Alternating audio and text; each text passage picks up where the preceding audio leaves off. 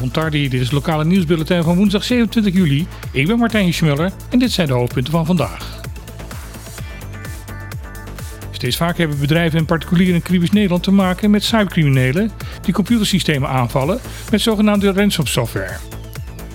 Hierbij wordt de computer of een geheel computernetwerk platgelegd met bepaalde software die door hackers op de computers wordt geïnstalleerd. Deze computers zijn daardoor niet meer te gebruiken totdat er losgeld betaald is aan de criminelen. Dan krijgen de slachtoffers een softwarecode waarmee de computer weer van slot gehaald kan worden. Om hier meer tegen te kunnen doen, is de cybercrime afdeling van het Corpus Politie Caribisch Nederland lid geworden van de organisatie No More Ransom. Deze internationale organisatie heeft in haar zesjarig bestaan al meer dan anderhalf miljoen mensen kunnen helpen om hun computersysteem weer te ontsleutelen, zonder dat daar criminelen voor betaald zijn. Het internetportal van de organisatie is momenteel in 37 verschillende talen bereikbaar. Daar zal nu Papiermens binnenkort gaan bijkomen. No Ransom heeft ook verschillende video's beschikbaar met preventietips. Deze zijn te vinden op de Facebookpagina's van KPCN en de Reisdienst Caribisch Nederland. Stichting Nationale Parken Bonaire, Stinapa, vraagt opnieuw aandacht voor de zorgwekkende situatie rondom de diadeem antillarum. Deze zeeegelsoort is van cruciaal belang voor het behoud van gezond koraalrif. Ze leven namelijk van algensoorten die het koraal zouden kunnen overwoekeren. In de jaren 80 van de vorige eeuw is de diadeemzeeegel in het Caribisch gebied vrijwel heel uitgeroeid door mysterieuze ziekte. En nu de soort zich de laatste tijd weer aan het herstellen is, wordt dit jaar opnieuw melding gemaakt van massale sterfte onder deze zeeegels.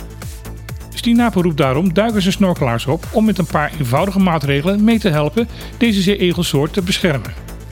Deze maatregelen zijn: was je duik- en snorkelspullen grondig voordat je naar een andere site gaat.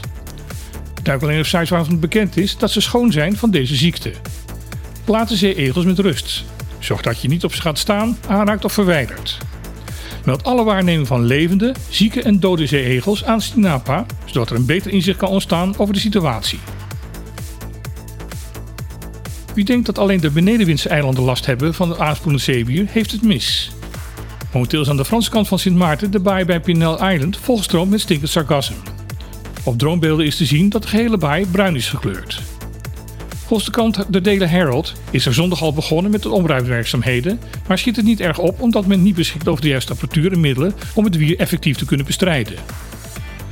Aanspoelend zeewier is vrij ongebruikelijk bij de bovenwindse eilanden, maar onderzoek heeft laten zien dat door de opwarming van de aarde dit waarschijnlijk vaker zal gaan gebeuren. Rondom de baai liggen veel toeristische locaties. Pinal Island zelf is momenteel door de situatie geheel gesloten. De kustwacht van het Caribisch gebied heeft wederom een grote drugsvangst gedaan. Dit keer is helaas daarbij een dode gevallen. Gisteren kwam het marineschip Zijn Majesteit Groningen wederom een zogenaamde go-vast op het spoor. Toen de bemanning van de speedboot doorkreeg dat ze ontdekt waren, probeerden ze op hoge snelheid te ontsnappen, waarbij ze ondertussen hun lading overboord gooiden. Als reactie op werd door de kustwacht gericht geschoten op de motoren van de GoFast, die daardoor werden uitgeschakeld. Toen de kustwacht daarna aan boord ging van de smokkelaarsboot, bleek dat een van de zes opvarenden dodelijk geraakt te zijn door het vuur van de kustwacht.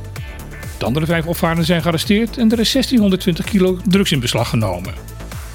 Omdat er een dodelijk slachtoffer is gevallen, zal bij het onderzoek naar de gang van zaken ook de landsrecherche betrokken worden.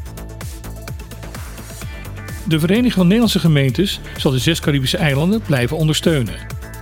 Daarvoor heeft de vereniging samen met het ministerie van Binnenlandse Zaken een nieuw ondersteuningsprogramma gelanceerd. Het is de bedoeling dat de Caribische eilanden binnen het Koninkrijk gebruik kunnen maken van de enorme bestuurlijke kennis die binnen de VNG aanwezig is. Daarbij zullen zogenaamde expertmissies worden georganiseerd, waarbij stafleden uit de Cariben een aantal maanden kunnen meedraaien in een Nederlandse gemeente.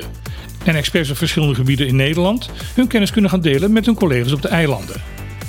Deze kennisdeling zal gedeeltelijk plaatsvinden door tijdelijke detachering op de eilanden en deels door werken op afstand.